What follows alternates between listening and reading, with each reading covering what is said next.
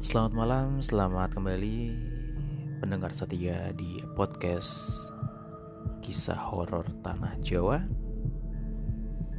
Masih bersama gue, Harbi. Cuma malam ini bedanya gue nggak temenin sama partner, yaitu Adit. Ya kalian tahu dia terakhir kan lagi pulang kampung, cuma masih belum ada kabar kapan dia pulang. Tapi nggak apa-apa. Semoga dia sehat aja di sana. Seperti biasa malam ini gue akan bacain satu atau dua cerita yang datangnya dari kalian semua para pendengar yang mau sharing cerita itu bisa kirimkan kisah-kisah kalian di alamat email yang tertera di bawah ini.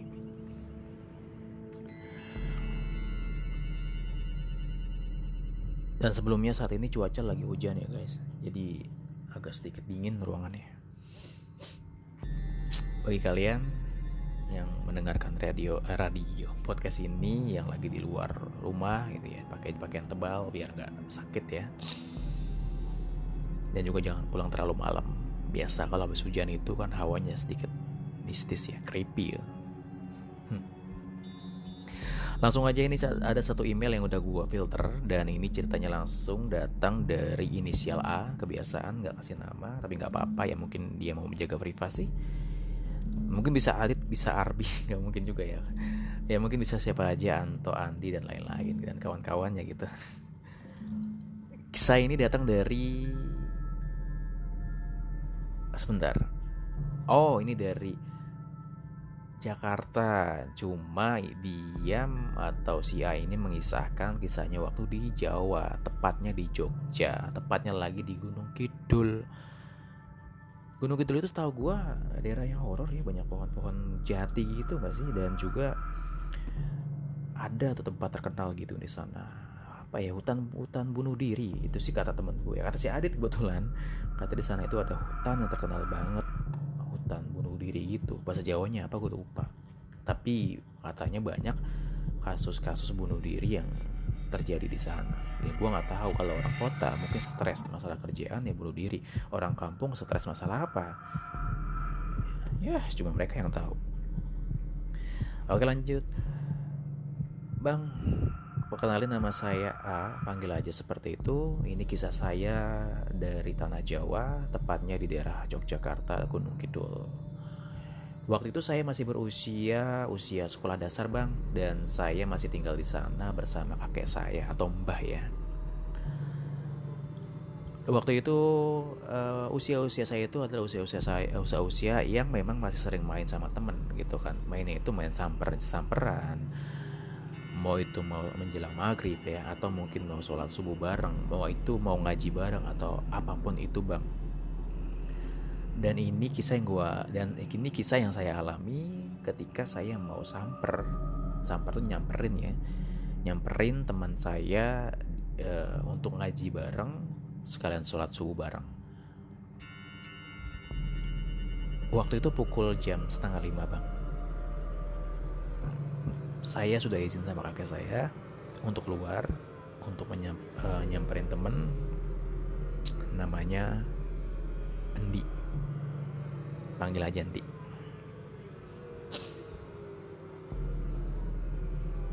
Karena cuaca yang habis hujan jadinya di luar itu banyak kabut basah juga tanahnya pandangan juga nggak luas gitu ya. Mungkin karena kabut tadi maksudnya ya. Jalanlah jalanlah malam itu hanya bermodalkan dengan center aja bang untuk rumah saya dan rumah Cindy ini nggak terlalu jauh, kurang lebih hanya 300 sampai dengan 400 meter. Kalau jalan kaki ya hitung-hitung 15 menit lah bang ya. 20 menit, 15 menit lah. Sebenarnya ini bukan pertama kali saya nyamperin dia gitu kan. Kadang dia nyamperin saya di jam-jam segini dan gak ada apa-apa bang. Tapi malam ini berbeda. Ini ceritanya.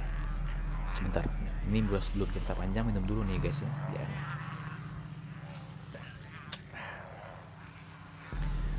Pukul setengah lima pagi, sudah mulai banyak suara-suara salawatan dari masjid-masjid. Atau kalau di kampungku itu masih banyak musola-musola kecil kali. Dan seperti biasanya, ini giliran saya untuk nyamperin teman saya. Pagi atau malam itu saya hanya bermodalkan sebuah center yang masih ditenagai oleh dua baterai besar dan warna lampunya itu pun menyorot warna kuning. Karena cuacanya berkabut, sorotan center pun tidak terlalu luas untuk menjangkau pandangan. Di sini sedikit gua di sini sedikit saya ceritain latar belakang atau suasana malam itu di kampung saya seperti apa. Kanan kiri bang masih banyak sawah-sawah, masih banyak pohon jati, masih banyak masih banyak jangkrik, masih banyak suara burung-burung. Malam-malam juga masih ada burung ya. Dan juga masih banyak hewan-hewan liar gitu. Dan waktu itu saya sudah berjalan selama sekitar 5-7 menit sudah 100 meter di tengah perjalanan seperti biasa saya nggak ngerasain takut apa-apa bang karena ya sudah biasa biasa sama teman-teman. Bisa berdua saya nyamper cuma malam ini saya sendiri bang karena satu lagi lagi sakit. Ketika lagi jalan tiba-tiba dari kejauhan saya melihat satu sosok yang berjalan berlawanan dengan saya. Saya tegesin bang. Dengan center itu seperti sosok bukan manusia, bukan orang, tapi makhluk seperti binatang. Wujudnya seperti anjing, tapi ukurannya itu nggak seperti anjing pada normalnya, bang. Sampai sekarang saya nggak tahu itu makhluk apa. Dan luar biasanya saya tuh nggak takut malam itu, bang. Saya jalan lurus terus tapak dua tapak nggak lari juga karena licin jalan setapaknya saya terus senterin semakin lama semakin jelas dan yakin itu tuh hewan cuma saya nggak tahu itu hewan apa anjing bukan babi bukan kalau anjing lebih mendekati ke anjing tapi setahu saya di kampung ini tuh nggak ada yang merah, merah anjing bang tapi anehnya malam itu ada anjing Dan hewan itu gak nyerang saya. Lewat begitu aja. Dan saya lihat dari kejauhan, saya menoleh ke belakang.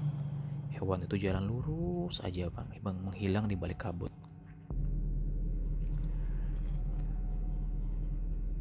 Gak ada perasaan iseng atau atau apa bang malam itu. Yang ada adalah makhluk apa itu pertanyaan di pikiran saya. Lanjut lagi perjalanan.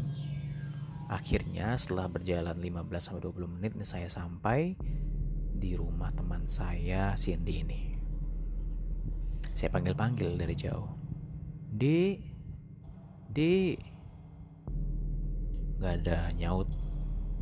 Saya lihat lampu rumahnya depannya nyala, cuma dalamnya mati. Apalagi pergi sama keluarganya kenapa sih Adit ini nggak coba si Adit ini si A ini kenapa nggak coba WA dulu ya zaman sekarang kan gitu oh mungkin dulu nggak ada WA kali ya beda zaman sekarang kan sudah udah banyak. Megang HP bocil-bocil juga megang HP ya tapi beda mungkin. Lanjut di nggak ada suara nyaut juga. Saya senterin ke jendelanya dia saya senterin ke atap. Lama-lama saya iseng senterin ke at ke langit-langit ke pohon bambu samping kanan kiri. Kok horor gitu bang? Lalu nggak berapa lama bang saya senterin ke pagarnya itu saya lihat ada pergerakan bang. Saya jelas banget ngeliat jari manusia itu megang pagar. Tapi wih merinding nih ceritanya nih si A ini. Tapi saya nggak tahu siapa itu bang saya samperin aja. Saya kira sih waktu itu karena saya masih kecil ya kali ya bang ya. Saya nggak pernah nggak pernah kepikiran macam-macam saya samperin saya center. Saya kira teman saya yang yang mencoba mengagetkan saya sembunyi di balik bambu di pagar bambu itu. Pagarnya warna putih terbuat dari bambu gitu kan dan tradisional banget seadanya. Kalau kalian dulu pernah main ke Jawa itu pagar-pagar seperti ini tuh kalian bisa dilihat di mana pun rumah warga saya samperin gitu. Dan ternyata tangan tuh semakin lama semakin hilang. Di balik pagar dia hilang. Saat saya senter ke dalam pagar gak ada siapa-siapa bang. Saya masih bingung. Kembali saya tuh nggak horor nggak merinding atau apa pun yang gak ada merasa horor katanya. Saya cuma kelingak kelinguk bang. Apa tadi? Apa Cindy ini? Ngumpet tadi saya mau kejar saya mau coba cek di belakang rumah. Tiba-tiba di pikiran saya bilang ini aneh. Ini nggak wajar. Akhirnya tanpa pikir panjang saya langsung membalikan badan dan saya bergegas pulang. Di jalan saya masih memikirkan itu tapi mulai terasa terasa horor juga bang. Akhirnya langkah-langkah saya saya percepat dan malam itu nggak jadi akhirnya saya ke masjid nggak jadi untuk ngaji sholat bareng. Saya cuma di rumah aja sampai pagi. Saya nggak cerita sama kakek saya atau mbah saya. Saya cuma mikirin dari dari pikiran saya apa itu bang? Mungkin bagi teman-teman yang memang tinggal di jauh juga atau besar jauh juga tahu apa itu ya bisa sampaikan. Dimulai dari makhluk yang ditemuin di jalan sampai yang saya lihat itu di balik pagar makhluk di balik pagar kalau semakin ke sini bang semakin usia saya berpikir udah mulai hal-hal mistis. Ya mungkin tuh makhluk yang kebetulan saya lihat. Ya itu aja bang ceritanya. Sebenarnya masih banyak cerita lainnya tapi buat next time aja. Cerita satu aja udah serem nih guys. Apalagi kalau banyak ini kalian bisa bisa bayangin sendiri ya guys ya. Ini gua aja yang bacanya sedikit merinding. Kena gitu loh. Visualisasinya kena gitu. saya membayangkan ya. Kembali seperti yang pernah gue sampaikan dulu atau apa beda ya untuk horornya di Sunda seperti Jawa eh Sunda Bandung atau Bogor Cianjur itu ya masih banyak pebukitan kan paling horor-horornya di villa itu di Fonte, Font Cemara. Kalau di Jawa tuh beda guys, pohon bambu itu banyak banget. Dan tanahnya tuh lapang mereka datar gitu. Pohon jati, kali, masih batu batu batu batuan masih banyak di sana. Itu yang bikin horor. Dan juga banyak apa ya cerita mistisnya emang di Jawa tuh kental banget. Gue aja dulu pernah pengalaman waktu gue ke rumah mbah gue ya itu nanti buat nanti aja lah ya diceritain ini cerita horor banget. Terima kasih buat uh, eh, Mr. A. Dan bikin dan lo udah bikin gue berpikir apa ya itu tadi yang lo temuin di jalan gitu kan. Anjing sih menurut gue ya itu makhluk itu anjing gitu kan. Mungkin tuh anjing turun dari gunung cari makanan kita nggak tahu juga. Mungkin makan ayam atau hewan ternak warga kita nggak tahu guys. Ya mungkin itu babi ya tapi kata si ayah ini kayak anjing. Ya mungkin anjing aja lah kita simpulin ya. Dan ini yang bikin gue yang paling creepy itu adalah tangan yang dilihat oleh si A ini guys. Disenterin dideketin ngilang tuh. Bayangin kalau kita di posisi adit di usia saat ini udah ngacir kali ya.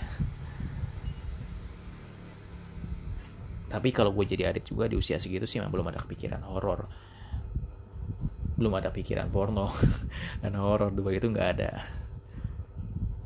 Duh. Merinding. Harus cerita sama Adit nih berdua nih. Oke itu satu cerita. Kita lanjut ke cerita dua